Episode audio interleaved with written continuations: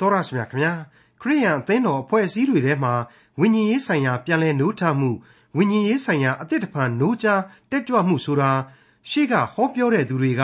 အာဝဇုံရွှင်ရွှင်နဲ့ဟောပြောနေတာကိုနားထောင်ကြတဲ့ပိဋကတ်ကလည်းတဝါဝါတဟားဟားနဲ့သဘောတွေကြလက်ခုပ်လက်ဝါးတီးသူပြောတာမဆိုးဘူးဆိုတဲ့အဖြစ်ကိုခရိယန်တွေရဲ့ဝိညာဉ်ရေးဆိုင်ရာအသစ်တဖန်ပြန်လဲနိုးကြမှုဝိညာဉ်ရေးဆိုင်ရာပြန်လဲနိုးထမှုလို့ဆိုနိုင်ပါသလား ခရိယန်တွေရဲ့စစ်မှန်တဲ့ဝိညာဉ်ရေးဆိုင်ရာပြန်လဲနိုးကြတက်ကြွမှုကိုတွေ့မြင်ရမှာဖြစ်တဲ့ခရိယန်သမာကျမ်းဓမ္မဟောင်းကျမ်းပိုင်းတွေကနေမိမတ်စာအခန်းကြီး၈ကိုဒီကနေ့တင်ပြရသောတမန်ကျမ်းအစီအစဉ်မှာလေ့လာမှာဖြစ်ပါတယ်။ထာဝရရှင်မြတ်စွာဘုရားသခင်ရဲ့အဆိုအမိန့်နှုတ်ကပတ်တော်မြတ်ဖြစ်တဲ့တမန်ကျမ်းကိုတခါတရံမှာတပိုက်ချင်းရှင်းလင်းအတိတ်ပဲဖော်နိုင်တဲ့အပိုင်းတွေရှိသလိုဆက်ဆက်သောဝိညာဉ်သဘောတရားနဲ့အတိတ်ပဲပြန်ဆိုရှင်းလင်းနိုင်မှ တိကျမှန်ကန်တဲ့အဖြေကိုရနိုင်တဲ့အကြောင်းလဲပါဝင်တဲ့နေမိမတ်စာအခန်းကြီး၈ကိုဒေါက်တာထွန်းမြတ်အေးကအခုလိုလေ့လာသုံးသပ်ဖော်ပြထားပါတယ်။ဒီကနေ့အဖို့ကျွန်တော်ဆက်လက်လေ့လာသွားမှာကတော့နေဟမိမှတ်စာအခန်းကြီး၈ပဲဖြစ်ပါတယ်။ပြီးခဲ့တဲ့သင်ခန်းစာတွေမှာနေဟမိတယောက်မြို့တော်တိုင်းကြီးရဲ့တကဝတီမှာလုံခြုံရေးအတွက်ဘယ်လိုစီမံဆောင်ရွက်ခဲ့တယ်။ ကျေးဇူးတော်ချီးမွမ်းရေးတို့အတွက်လည်းဘယ်လိုတည်ခြင်းတွေတွေနဲ့စီမံခံခွဲခဲ့တယ်စသဖြင့်ကျွန်တော်တို့တွေ့ကြရပြီဖြစ်ပါတယ်။ပြီးတဲ့နောက်မှာတော့မြို့တော်ရဲ့အုပ်ချုပ်ရေးတာဝန်အတွက်သူ့ရဲ့ဆွေလိုမျိုးလိုညီအရင်ပမာချစ်ခင်ရတဲ့ဟာနန်ဆိုတဲ့ပုဂ္ဂိုလ်ကိုတာဝန်တွေခွဲဝေပေးခဲ့တဲ့အကြောင်းကိုလေကျွန်တော်တို့တွေ့ခဲ့ကြလို့ပြီးပါပြီ။ဒီကနေ့ဖို့မှာကတော့ကျွန်တော်တို့ဟာနေဟမိဥဆောင်ပြီးတော့နှုတ်ကပတ်တော်ကိုဖတ်ရွတ်ကြတဲ့အခန်းကိုကုသန်းနားဆင်သွားကြရမှာဖြစ်ပါလိမ့်မယ်။တနည်းအားဖြင့်တော့ နေဟမိဟာလူမျိုးတော်ကိုဥဆောင်ပြီးတော့ကျေးဇူးတော်ကိုချီးမွမ်းတယ်ဆိုတဲ့အချက်ကိုပေါ်လွင်စွာဖော်ပြမယ်အခန်းပဲပေါ့။မြို့တော်သို့မဟုတ်လူအဖွဲ့အစည်းအတွင်းမှာလုံခြုံရေးနဲ့လူမှုရေးတိုးတက်မှုတွေအမျိုးအမျိုးကိုနေဟမိဥဆောင်ပြီးတော့ဆောင်ကျင်းခဲ့တယ်။စီကံကလနာများကိုကိုယ်တိုင်ချထားပေးခဲ့တယ်။အခုတခါနှုတ်ကပတ်တော်ကိုပြန်လည်ဖတ်ရှုကြတယ်ဆိုတော့နေဟမိရဲ့ပြောင်မြောက်သောဆောင်ရွက်ချက်တွေဟာဝိညာဉ်ရေးအသစ်တဖန်ပြန်လည်노ကြတက်ကြွအောင်လှုပ်ဆောင်တာပဲဖြစ်တယ်။ အင်္ဂလိပ်လိုတော့ revival လုပ်ခြင်းပဲဖြစ်တယ်လို့ကျွန်တော်တို့ဆိုကြရမှာဖြစ်ပါတယ်။အခုနေဟမိမှတ်စာအခန်းကြီး၈အငယ်1မှ3ကိုဖတ်ရှုကြည့်ကြပါစို့။သတ္တမလရောက်မှမြို့ရွာအရရ၌နေသောဣသရေလအမျိုးသားလူအပေါင်းတို့သည်လာ၍ရေတကားလမ်းမှစီဝေးကြ၏။ဣသရေလအမျိုး၌ထာဝရဘုရားထားတော်မူသောမောရှိပြည့်ညတ်သည့်ကျမ်းစာကိုဆောင်ခဲ့ပါဟုကျမ်းတတ်ဆရာအိဇရာကိုတောင်းသည့်အတိုင်း နားထောင်နားလည်နိုင်သမျှသောပရိသတ်ယောက်ျားမိန်းမတို့ရှေ့သို့တတ္တမလပထမနေ့ရက်တွင်ပြည့်ညတ်သည့်ကျမ်းစာကိုယေဘရဟိတ်အိဇရာသည်ဆောင်ခဲ့၍နားလည်နိုင်သောသူယောက်ျားမိန်းမတို့ရှေ့မှနတ်နဲ့အချိန်မှစ၍မွန်းတဲ့အချိန်တိုင်အောင်ရေတကားလမ်းတွင်ဖတ်ရလေ၏လူအပေါင်းတို့သည်ပြည့်ညတ်သည့်ကျမ်းစကားကိုစိစိနားထောင်ကြ၏ကျွန်တော်ဟာပြီးခဲ့တဲ့သင်ခန်းစာတစ်ခုမှာတော့ကယေရုရှလင်မြို့တော်ကြီးရဲ့တကားအသီးသီးဟာ သက်ဆိုင်ရာအတိတ်ပဲအသီးသီးကိုဆောင်ယူထားတယ်ဆိုတာဖော်ပြခဲ့ပါတယ်အဲ့ဒီအတွင်းတွေကရေတကားဆိုတာဟာတခြားမဟုတ်ဘူးနှုတ်ကပတ်တော်ဒီဟုသောရေစဉ်နဲ့ဆိတ်ကြောခြင်းဆိုလိုတာကိုအတိတ်ပဲဖော်ပြတယ်လို့ကျွန်တော်ရှင်းပြခဲ့ပြီးဖြစ်ပါတယ်ဒါကိုအခုအထူးသက်သေပြလိုက်တယ်လို့ပဲရှိနေပါတယ်နှုတ်ကပတ်တော်များကိုရေတကားမှာလူစုဝေးပြီးတော့ဖတ်ရှုပြတယ်ဆိုတဲ့အချက်ကိုနေဟမိမှတ်စာကရှင်းရှင်းကြီးဖော်ပြလိုက်ပါပြီလူအမျိုးမျိုးပါမှာပေါ့ အတွေ့အခေါ်အဆင့်အတန်းတွေလည်းအမျိုးမျိုးရှိကြလိမ့်မယ်ဒါဟာလူအဖွဲ့အစည်းမှာလူအဖွဲ့အစည်းမှာဒီတိုင်းပဲတွေ့ရတယ်လေအဲ့ဒီလူအဖွဲ့အစည်းအများစုတဲမှာမှနားထောင်နားလည်နိုင်သောယောက်ျားမိန်းမတို့အတွက်ဖတ်ရှုခြင်းဖြစ်တယ်ဆိုတာဟာဆန်းသစ်သောဖော်ပြချက်တစ်ခုပဲဖြစ်ပါတယ်မိษွေများခမညာကမ္ဘာထိပ်တန်းသိပ္ပံပညာရှင်ကြီးတွေတို့ကမ္ဘာစာပေပါရဂူကြီးတွေတို့အကျော်အမော်ကြီးတွေတို့အကုန်လုံးဟာနှုတ်ကပတ်တော်ကိုနားထောင်ခြင်းရင်နားထောင်မယ် နားလေနိုင်မယ်လို့တော့ကျွန်တော်တို့အာမမခံနိုင်ပါဘူးနှုတ်ကပတ်တော်ကိုနားထောင်နားလေဖို့ဆိုတာဟာတန်ရှင်းသောဝိညာဉ်တော်ရဲ့လမ်းပြတော်မူခြင်းအထုလိုအပ်ပါတယ်မိမိတို့ရဲ့စိတ်ဝိညာဉ်များမှာလေနှုတ်ကပတ်တော်အလင်းတရားကိုလက်ခံနိုင်တဲ့အခြေခံယုံကြည်ခြင်းနှလုံးသားနှိမ့်ချယိုကျိုးခြင်းစိတ်ဓာတ်များနဲ့တကွသစ္စာတရားကိုမှန်ကန်စွာရှာဖွေသိကျွမ်းလိုတဲ့စိတ်တွေလိုအပ်မှာအသေးချာပဲဖြစ်ပါတယ်ဒီလိုပရောဖက်အိစရာကနေပြီးတော့နှုတ်ကပတ်တော်များကိုဖတ်ရတာဟာ နတ်နဲ့အချိန်ကနေမွန်းတဲ့အချိန်အထိကြာမြင့်နေဆိုတော့အခုခေတ်ကျွန်တော်အသင်းတော်တွေများမှာသင်းဥဆရာများတို့ကိုလေရှည်တယ်တို့ပြင်းစရာကောင်းတယ်တို့အပြစ်တင်တတ်တဲ့ပြိတ္တတွေအတွက်အလွန်ကြီးမားတဲ့သင်ခန်းစာပဲလို့ကျွန်တော်ခံယူပါတယ်ဘယ်လိုပဲပြောပြောအခုဣသရေလလူမျိုးတော်ဟာပြည့်ညတ်တိကြမ်းစကားတွေကိုစိတ်စိတ်နားထောင်ကြတယ်လို့ဖော်ပြပါတယ်ဒီလူတွေရဲ့စိတ်နှလုံးတွေဟာအသက်ရှင်တော်မူသောဘုရားသခင်ဘက်မှဘလောက်အထိစိတ်တွေကိုင်းညွတ်ပြီးတော့ဘုရားသခင်ရဲ့ဗျာဒိတ်တော်ကိုဘလောက်အထိ ဆာငတ်ခင်မွတ်နေကြတယ်ဆိုတာဟာဒီအချက်အားဖြင့်ရှင်းနေအောင်တွေ့ရပါတယ်နေဟမိမှတ်စာအခန်းကြီး၈အငယ်၄မှ၈သူတို့လောက်ကြသောတရားဟောရာတစ်သားပလင်ပေါ်မှာကြမ်းတက်เสียအိဇရာသည်ရက်၍မတ္တိပိရှေမအနာယဥရိယဟိလခိမာသေယတို့သည်လက်ရဘက်၌၎င်းပေဒါယမိရှေလာမာလခိဟာရှုံဟာရှပဒါနာဇာခရိမေရှုလန်တို့သည်လက်ဝဲဘက်၌၎င်းရပ်နေကြ၏ ထို့သောအိစရာသည်လူအပေါင်းတို့တည်းသာ၍မြင့်လျက်လူအပေါင်းတို့ရှေ့မှကျမ်းစာကိုဖွင့်သောအခါလူအပေါင်းတို့သည်ထကြ၏အိစရာသည်မြတ်စွာဘုရားသခင်ထာဝရဘုရားကိုကောင်းကြီးပေး၏လူအပေါင်းတို့ကအာမင်အာမင်ဟုလက်တို့ကိုချီလျက်ဝန်ခံ၍ဥချပြတ်ဝတ်လျက်ထာဝရဘုရားကိုကိုးကွယ်ကြ၏ယောရှုဘာနိရှေရဘိယာမိန်အကုတ်ရှက်ဘေသေဟောဒီယမာသေယကေလိတအာဇရိယောဇဘတ်ဟာနန် ပေလာယအစရှိသောလေဝိသားတို့သည်လည်းလူများတို့အားပြည့်ညတ်တိကျမ်းစာအ내ကိုပြန်ကြားကြ၏လူများတို့သည်လည်းမိမိတို့နေရာ၌နေကြ၏ထို့သောဘုရားသခင်၏ပြည့်ညတ်တိကျမ်းစာကိုသေချာစွာဖတ်ရွ၍အ내ကိုပြန်သဖြင့်လူများနားလေစေခြင်းဟာပြုကြ၏တရားဟောရာသစ်သားပလင်တဲ့မထူးဆန်းဘူးလားခရစ်တော်အသေးခံရာကားတိုင်းတော်ဟာသစ်တိုင်လို့ကျွန်တော်တို့ခေါ်ကြပါတယ်ကျွန်တော်တို့နားလည်ထားကြပါတယ်အခုသစ်သားပလင်ဆိုတာဟာ တစ်ချိန်တစ်ခါမှာကားတိုင်းတော်ရဲ့ကယ်တင်ခြင်းတရားကိုကြိုတင်ကိုစားပြုနေခြင်းပဲဖြစ်ပါတယ်ကျွန်တော်တို့ကကားတိုင်းလမ်းဖြင့်သာအိမ်သို့ပြန်ရောက်နိုင်ပြီဒီပြင်အခြားလမ်းမရှိဆိုတဲ့တခြင်းကိုမကြာခဏဆိုလေးဆိုထားရှိပါတယ်ဒီအပိုင်းလေးကိုအခုကျမ်းစာနဲ့ရှင်တွဲပြီးတော့အောက်မေ့သင်လာပါတယ်ကားတိုင်းတော်သာမရှိခဲ့ရင်လေကျွန်တော်တို့အတွက်သာဝရအသက်လမ်းဆိုတာဟာပုံစံတစ်မျိုးဖြစ်သွားနိုင်ပါတယ်ဘယ်လိုပဲဖြစ်ဖြစ်ကားတိုင်းတော်နဲ့သက်သားပလင်ဗိမာန်တော်နဲ့ဗြိညင်တစ်တာတော်တွေဆိုတာအလုံးတဲ့ အရေးအကြီးဆုံးအချက်ကတော့ကယ်တင်ရှင်ရဲ့အသေးခံခြင်းသာဖြစ်ပါတယ်ပြီးတော့ကယ်တင်ရှင်ရဲ့ရှင်ပြန်ထမြောက်တော်မူခြင်းသာဖြစ်ပါတယ်အနှစ်ချုပ်အားဖြင့်ကယ်တင်ရှင်ပေးစွန့်ခဲ့တဲ့သာဝရအသက်ဆုကျေးဇူးသာခြင်းဖြစ်ပါတယ်နှုတ်ကပတ်တော်ကိုဒီအတိုင်းစာအုပ်ဖွင့်ဖတ်ပြီးတော့ပရိသတ်ကလည်းဒီအတိုင်းပါဇက်အဟောင်းသားနဲ့နားထောင်နေကြတာမဟုတ်ပါဘူးမြတ်စွာသောဘုရားသခင်ထာဝရဘုရားကိုကောင်းကြီးပေးတယ်တဲ့ဒီမှာဖော်ပြထားတယ်လူတွေကလည်းအဲ့ဒီအချိန်မှာအာမင်ဆိုပြီးတော့ တူပြိုင်ကျေးဇူးတော်ကိုဝန်ခံကြတယ်ဆိုတာကိုတွေ့လာရပါတယ်ပြီးတဲ့နောက်မှာတော့လက်အုပ်ချီတယ်ပြတ်ဝတ်ကိုးကွယ်တယ်ဆိုတာကိုဆက်ပြီးတွေ့ရပါတယ်တကယ်တော့ဘုရားသခင်ကိုဆုတောင်းတယ်ဆိုတဲ့နေရာမှာဘယ်လိုပုံစံမျိုးနဲ့ဆုတောင်းရမယ်ဆိုတာအတိအကျစီကံသတ်မှတ်ချက်မရှိပါဘူးအထူးသဖြင့်ရုပ်ကိုယ်ခန္ဓာနဲ့ပတ်သက်ပြီးတော့ဘယ်လိုဘယ်လိုအနေအထားနဲ့ဘုရားသခင်ကိုဆုတောင်းရမယ်ဆိုတာမျိုးမရှိပါဘူးဒါပေမဲ့ဘုရားသခင်ဟာနံဝိညာဉ်ဖြစ်တော်မူသောအရှင်ဖြစ်တယ်ဘုရားသခင်ကိုနံဝိညာဉ်နဲ့သာလျှင်ကိုးကွယ်ရမှာဖြစ်တယ်လို့ ဒီလိုဘုရားသခင်ကိုကိုးကွယ်ဝတ်ပြုခြင်းမှာထိုက်တန်တဲ့အကျွင့်မဲ့ယိုသေးလေးမြတ်သောစိတ်ဓာတ်ရှိရလိမ့်မယ်။နောင်တနှလုံးသားရှိရလိမ့်မယ်။စက္ကအနှံနိုင်သောစိတ်ဓာတ်သို့မဟုတ်အလိုတော်ကိုဝန်ခံနိုင်သောစိတ်ဓာတ်လည်းရှိရပါလိမ့်မယ်။အဲဒီလိုအိစရာဟာစံစာတော်မြတ်များကိုဖတ်ကြားပြီးတဲ့အချိန်မှာအဲ့ဒီအိစရာနားမှာဝန်းရံနေတဲ့ပရိသတ်တွေကြားတဲ့ကယေပရောဟိတ်ကျမ်းတတ်ဆရာ73ပါးတို့ဟာဒီကျမ်းစာရဲ့အ내အတိတ်ပဲများကိုပြန်ဆိုရှင်းလင်းပေးပါတယ်တဲ့ ကျမ်းစာမှာပထမမြင်ရတဲ့အိစရာနာကကျမ်းစာဆရာတွေကဒီအမှုကိုမဆောင်ကြပါဘူးဒီတော့ဘလောက်အထိအချိန်တွေကြာမြင့်မယ်ဆိုတာကိုကျွန်တော်တို့တွက်ဆလို့ရနိုင်လောက်ပါတယ်ခေတ်ကာလအရာဘလောက်အထိစီကံကြနာခြင်းရှိခဲ့တယ်ဆိုတာကိုလေခံမှန်းသိရှိနိုင်ပါလိမ့်မယ်ဒီရှင်းလင်းဖွင့်ဆိုချက်တွေအားလုံးဟာအထက်စီးကနေရှင်းလင်းတာမဟုတ်ဘဲနဲ့ပရိသတ်တွေနဲ့အတူနိကတ်စွာရှင်းလင်းတာပဲဖြစ်ပါတယ်သူတို့ရဲ့ရှင်းဆိုချက်တွေဟာလေအလွန်တရာပြတ်သားလိမ့်မယ်အတိတ်ပဲနှစ်ခွမရှိနိုင်ဘူး သဘောထားတစ်ယောက်နဲ့တစ်ယောက်မတူညီနိုင်စရာအကြောင်းမရှိဘူးဆိုတာကိုဒီမှတ်စာအရာအကဲဖြတ်နိုင်လောက်ပါတယ်သူတို့ဟာအဲ့ဒီလိုအ내အတိတ်ပဲများကိုပြန်ဆိုရမှာသေချာစွာဖတ်ရွတ်ပြီးတော့မှအတိတ်ပဲပြန်ဆိုခြင်းဖြစ်တယ်ဆိုတာကိုအထူးသတိပြုထားသင့်လှပါတယ်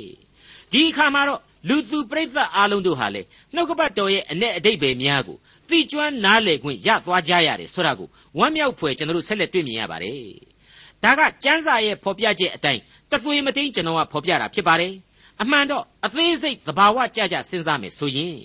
အိစရာနဲ့အတူရက်တန့်နေတဲ့ပုဂ္ဂိုလ်73ယောက်ကနေပြီးတော့အိစရာမောပန်းတဲ့အချိန်မှာဝင်ပြီးတော့ကျမ်းကိုတစ်လှည့်ဖတ်ပြမယ်နားမလဲတဲ့ပရိသတ်တွေကထမေးလို့ရှိရင်လေအိစရာကိုစားအဖြေပေးလိုက်မယ်တချို့ကျမ်းပိုင်းတွေမှာကြားလို့ရှိရင်တော့ဟောပြောတဲ့အဲ့ဒီအဖွဲကခဏတစ်ဖြုတ်အနားယူလိုက်မယ်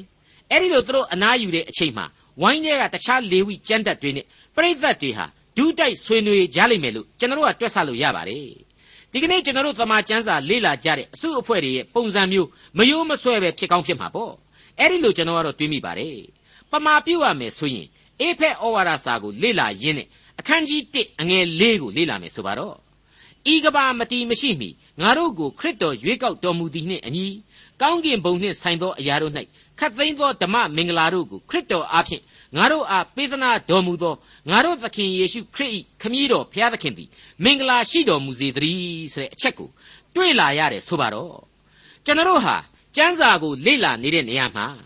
ဒီကျမ်းရဲ့ရှုပ်ထွေးခြင်းနဲ့ပတ်သက်ပြီးတော့အချင်းချင်းစောကြောရတော့မယ်မသိနားမလဲတဲ့အချက်တွေကိုဆရာသမားတွေကိုမေ့လာရတော့မယ်မဟုတ်ဘူးလား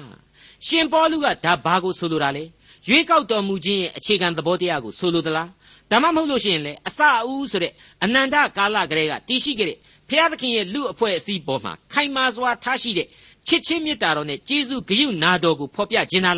စသဖြင့်စသဖြင့်ပေါ့ဒါဟာဖြစ်ကိုဖြစ်ရမယ်ပြဿနာလို့ကျွန်တော်တို့မဆိုနိုင်ဘူးလား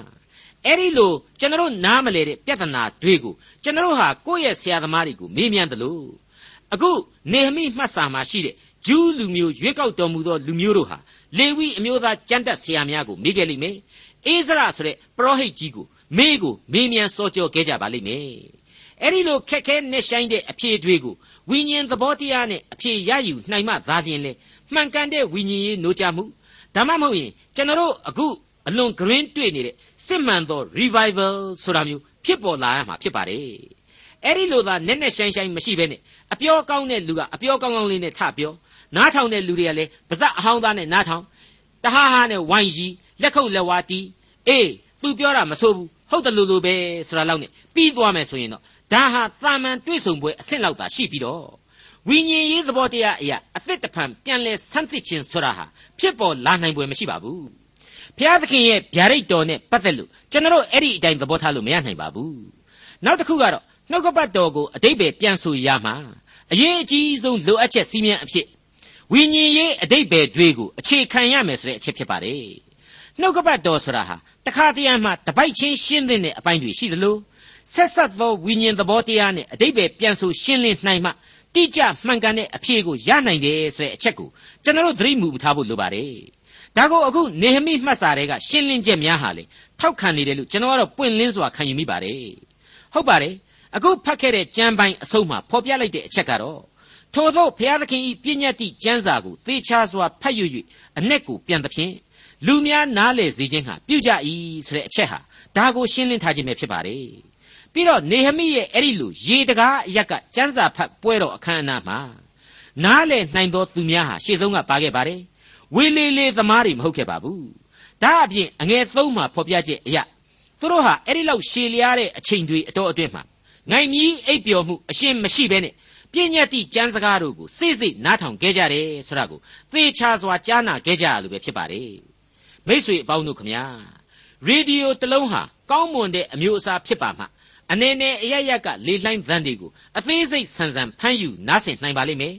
ကချော်ကချွတ်အမျိုးအစားဆိုရင်အသေးစိတ်လေလှိုင်းတွေကိုမိဖို့လွယ်မှာမဟုတ်ပါဘူးအဲ့ဒီအတိုင်းပါပဲကျွန်တော်ရဲ့စိတ်ဝိညာဉ်တွေဟာစိတ်ဝိညာဉ်နဲ့ဆိုင်သောအရာတို့ကိုအကောင်းဆုံးထိတွေ့နိုင်ရလိမ့်မယ်ခံစားနိုင်ဖို့ရန်အဆင့်မြင့်သောဝိညာဉ်ရေးခံစားချက်များကိုယင်မှမွေးမြူထားကြမှာဖြစ်ပါတယ် အဆင့်မြင့်သောဝိညာဉ်ရေးအသည့်တရားများကိုယင်ထဲမှာမွေးမြူထားမှာလည်းဖြစ်ပါတယ်ယုံကြည်ခြင်းခွန်အားဆရာဟာလေကျွန်တော်ရဲ့နှလုံးသားထဲမှာအခြေခံအားဖြင့်ရှိကိုရှိထားရမှာဖြစ်ပါတယ်နေဟမိမှတ်စာအခန်းကြီး၈အငယ်6မှ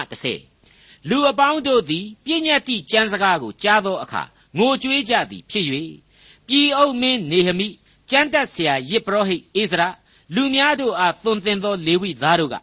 ဤသည်နေ့ရက်သည် သင်တို့၏ဘုရားသခင်ထာဝရဘုရားအဖို့တန်ရှင်းသောနေ့ဖြစ်၏ငိုကြွေးမြည်တမ်းခြင်းကိုမပြုကြနှင့်သွားကြလော့မြိန်စွာသောအစာကိုစားကြလော့ချိုသောအည်ကိုတောက်ကြလော့ဆင်းရဲသောသူတို့အားဝေမျှကြလော့ဤသည်နေ့ရက်သည်ငါတို့ဘုရားရှင်အဖို့တန်ရှင်း၏ဝန်းမနေကြနှင့်ထာဝရဘုရားပေးတော်မူသောအခွင့်နှင့်အာယူ၍ဝမ်းမြောက်ကြလော့ဟုလူအပေါင်းတို့အားဆို၏ကျွန်တော်ဟာနေဟမိမှတ်စာကိုဖတ်ရှုရင်းနဲ့နေဟမိလိုသာမညမင်းမှုတန်တဦးကိုရွေးကောက်တော်မူသောဘုရားသခင် အိစရာလိုယစ်ပရောဟိတ်မင်းမျိုးကိုရွေးကောက်ပေးတော်မူသောဘုရားသခင်ရဲ့ကျေးဇူးတော်ဟာဣသရေလလူမျိုးတော်အဖို့အလွန်ကြီးမားလှတယ်လို့တွေးမိပါတယ်အပြစ်တန်တရားဆက်ဝိုင်းရဲ့အောက်ဆုံးအဆင့်အထိကြာရောက်ခဲ့ရတဲ့လူမျိုးတော်ကိုအသစ်သောဝိညာဉ်ခွန်အားများနဲ့တန်တရားဆက်ဝိုင်းရဲ့အထက်ပိုင်းကိုတက်ရောက်အောင်ဆောင်ကျင်းရမှာကိုယ့်ရဲ့အတိတ်ကာလကအမှားတန်တရားတွေအပြစ်ကြွေးတွေကိုပြန်ပြီးတော့ခံယူတတ်စွမ်းရှိအောင်နောင်တနဲ့ကြိုးပဲ့ကြေမွနေတဲ့စိတ်ခံစားချက်တွေဖြစ်အောင်လို့ ဒီပုံကိုယ်တွေဟာစွန်းစွန်းတမန်ဆောင်ရွက်ပေးခဲ့ကြတာပဲဆိုတာကိုလေးနဲ့စွာတွေးခေါ်မိပါတယ်လူသားတွေရဲ့အပြစ်ဘဝဇာတိဟာဘယ်လို့မှအပြစ်တူးစရိုက်နဲ့ကင်းစင်တယ်ဆိုတာမရှိကြရှာပါဘူး။ကမိုင်းဦးအစကတည်းကစာရန်ဘက်တော်သားတွေဖြစ်ခဲ့ကြတယ်လေ။ဒါပေမဲ့အဲ့ဒီဇာတိပဂရိသဘောနဲ့အတူထူးထူးဆန်းဆန်းပဲနောင်တရရတဲ့နှလုံးသားဝိညာဉ်ဆိုတာရှိတယ်။ဘုရားသခင်မှုတ်သွင်းပေးထားတဲ့အံ့ဘွယ်သောဝိညာဏကိုပေါ့။တချို့ယုတ်ဝါဒီတွေကဒါကိုမယုံကြဘူး။ အခုဆိုရင်တော့နှလုံးသားရှိသူတိုင်းခံယူတတ်အောင်လို့လူမျိုးတော်ဟာလက်တွေ့တရုပ်ကိုပြနေပါပြီ။သူတို့ဟာခံစားရတဲ့ဝိညာဉ်စိတ်ဓာတ်အရင်ကံတွေဟာပြန်လဲနိုးထလာကြတဲ့အချိန်ကိုယ့်ရဲ့အားနည်းမှုကိုယ်သမိုင်းနောက်ကျောင်းအတွင်းကအပြစ်ကြီးမားမှုတွေကိုနှုတ်ကပတ်တော်ကသတိပေးလိုက်တာနဲ့အတူတူလိုပဲခံစားရပြီးတော့မျက်ရည်တောက်တောက်ကြခဲ့ကြရတယ်အဲ့ဒါနဲ့ပဲအိစရာနဲ့လေဝိပရောဟိတ်တွေကလူတွေကိုပြောရတယ်တန်ရှင်းတော်မူသောနေ့ရဖြစ်တဲ့အတွက်ကြောင့် ဝန်းနေပင်ဝန်းနေတော်လေမျက်ရည်မကြကြပါနဲ့တဲ့တန်ရှင်းသောဘုရားသခင်ရှေ့တော်မှောက်မှာဝမ်းမြောက်ခြင်းနဲ့ကျေးဇူးတော်ကိုပို့ပြီးတော့ခံယူကြပါတဲ့အဲ့ဒီလိုဝမ်းမြောက်နိုင်ဖို့အတွက်အဓိကလိုအပ်လာပြန်တာကတော့အာယူ၍ရဲရင်ချင်းရှိဖို့ပဲဖြစ်ပါတယ်ဟုတ်ပါတယ်ဝိညာဉ်ခွန်အားကိုနောင်တနှလုံးသားနဲ့ရတယ်ကျေးဇူးတော်ချီးမွမ်းနိုင်တဲ့အစွန်းတတ္တိကြတော့ရဲရင်သောစိတ်ဓာတ်အင်အားများနဲ့ပြန်ပြီးတော့မွေးမြူယူရပြန်ပါတယ် ဒီနေရာမှာဖိလိပ္ပိဩဝါဒစာအခန်းကြီး၄အငယ်၄ကိုကျွန်တော်ကိုးကားပြခြင်းပါတယ်ဖျားသခင်၌အစင်မပြတ်ဝမ်းမြောက်ခြင်းရှိကြလော့တဖန်ငါဆိုသည်ကဝမ်းမြောက်ခြင်းရှိကြလော့ဆိုတဲ့အချက်ဖြစ်ပါတယ်ဝမ်းမြောက်ခြင်းကိုဒီစာကြောင်းအတွင်းမှာပဲနှစ်ကြိမ်တိုင်တိုင်ဖော်ပြထားတယ်။တကြော့ပြန်ပြီးတော့ဖော်ပြထားတယ်။အလေးအနက်ပြုထားတယ်။မိษွေတော်တတ်ရှင်အပေါင်းတို့ခမညာ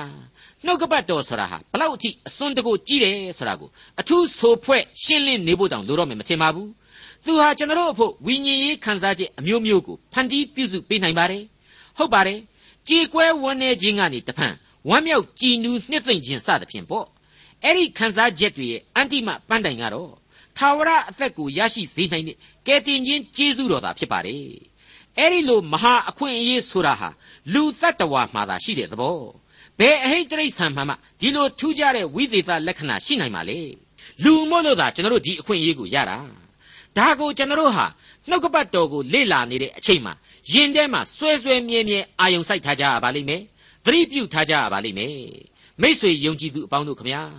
တောရွာအသင်းတော်ဆိုရင်တောရွာအလျောက်မြို့အသင်းတော်ဆိုရင်လေမြို့အသင်းတော်လျောက်ဆိုသလိုပဲတမာကျမ်းစာကိုဂဂနနတီးတီးတန်းတန်းလေ့လာနိုင်ဖို့အတွက်အစီအစဉ်တွေဟာအလွန်ရှိသင့်နေပြီလို့ကျွန်တော်အလေးနဲ့ယူဆပါတယ်ကျွန်တော်တွေ့ကြုံရသမျှဆိုရင်ဥပု္ပ္ပစာပြေသင်တန်းမှာအခြေခံယုံကြည်ခြင်းအကြောင်းရဲ့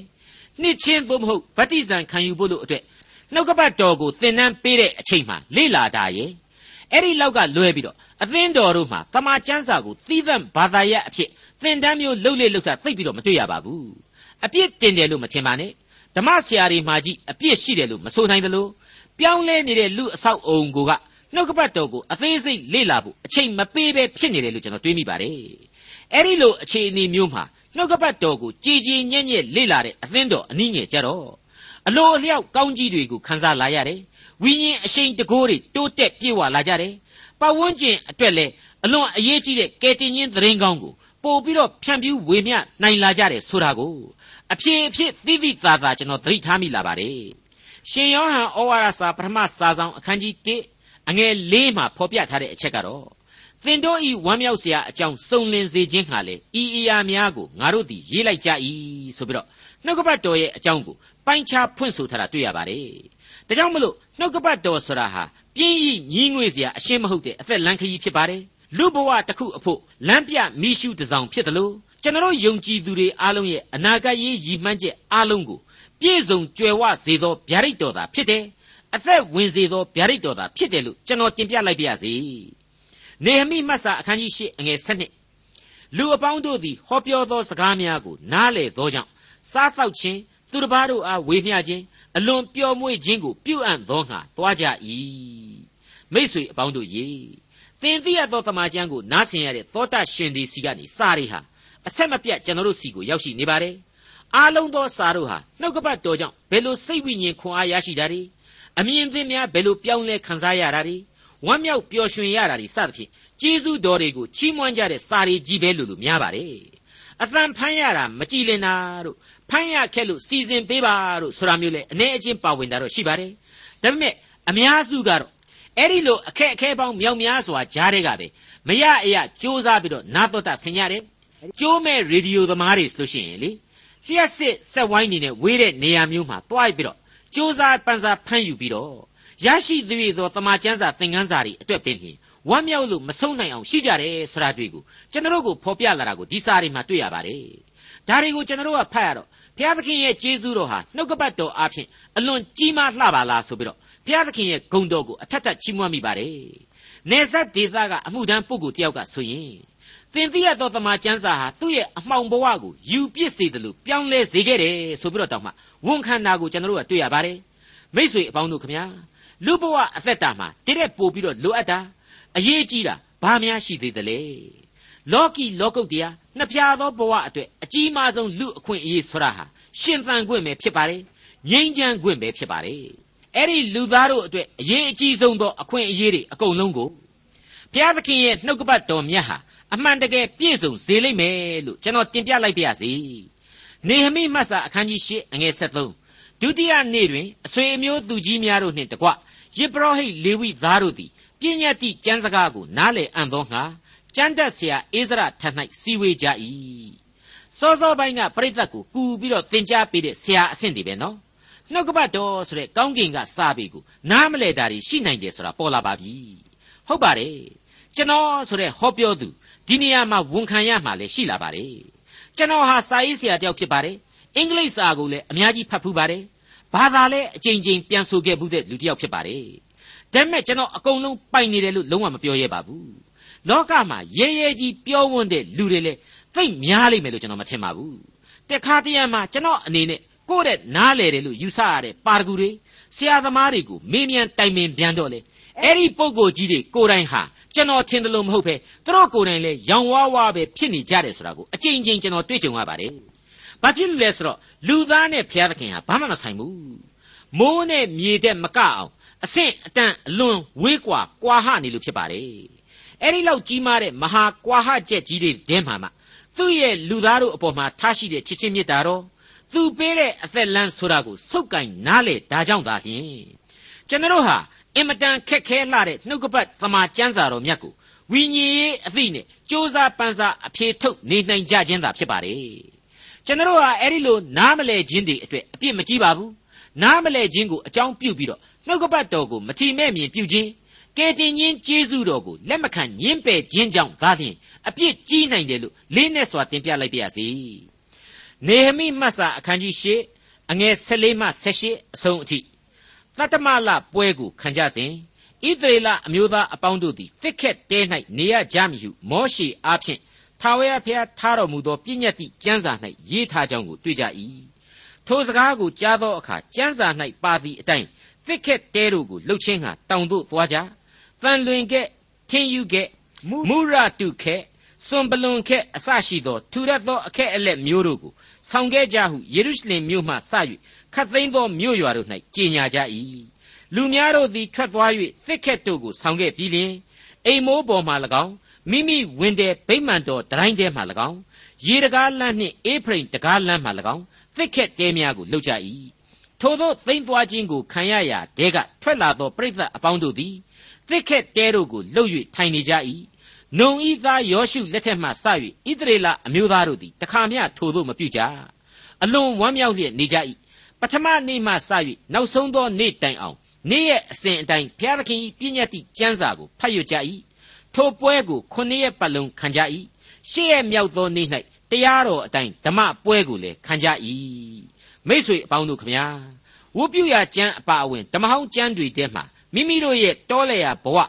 အာဂန္တုခရီးသည်များအဖြစ်တဲတွေနဲ့နေထိုင်ခဲ့ကြရတာကိုမင်းတို့အစဉ်တစိုက်အောင်းမေ့စေဖို့ရန်အတွက်ပွဲတော်ကိုကျင်းပရမယ်ဒီနည်းအားဖြင့်ငါရဲ့ကျေးဇူးတော်ကိုမင်းတို့အစဉ်သတိရနေရစေမယ်ဆိုတာကိုဖျားသခင်အမိန့်ချမှတ်ခဲ့တာရှိပါတယ် The Feast of Tabernacles ဆိုတဲ့ပွဲတော်ပဲပေါ့အဲဂုတ်ထုနိုင်ငံကနေကျွန်ဘဝကထွက်မြောက်ရတဲ့ပွဲတော်ဖြစ်တဲ့အသွေးတော်နဲ့လွတ်မြောက်ခြင်းကိုရည်စူးရပတ္တခါပွဲတော်မဟုတ်ပါဘူးဒါဟာလန်ခရီးမှာသူတို့ကိုဘုရားသခင်ကွဲကားခြင်းလမ်းပြခြင်းနဲ့ရှင်သန်ရာလူဘဝပုံစံများကိုပြန်လဲအောက်မေ့စေဖို့လုပ်တဲ့ပွဲတော်ကြီးသာဖြစ်ပါတယ်ဒါကိုဝတ်ပြုရကျမ်းအခန်းကြီး23ဏိဂုံးပိုင်းမှာပြန်ပြီးတွေ့ရမှာဖြစ်ပါတယ်မိษွေတို့ပြန်လှန်လေ့လာတိုက်လာပါတယ်အဲ့ဒီတော့ ဘုရားသခင်ရဲ့ကျေးဇူးတော်နဲ့လွတ်တာအသက်တာတစ်လျှောက်မှာဘာများကျွန်တော်တို့လက်ညှိုးညွှန်းနိုင်တာရှိသလဲဘုရားသခင်ဟာကမ္ဘာလောကနဲ့တကွကမ္ဘာလောကရဲ့အစဉ်တစားတွေကမ္ဘာလောကနဲ့ပတ်သက်တဲ့လူသားတို့အသုံးပြုနိုင်ဖို့အတွက်ရေတုမြေတုလေတုကျယ်လနက်ခတ်တာယာမှအစအစစအရာရာကျွန်တော်တို့လူသားတွေကိုပြုစုပေးထားတယ်ဆိုတာကိုစဉ်းစားမိရင်ဣသရေလတို့ရဲ့ပွဲတော်များအားလုံးဟာကျွန်တော်ယုံကြည်သူများအတွက်လည်းအစဉ်သက်ဆိုင်ခြင်းရှိပါတယ်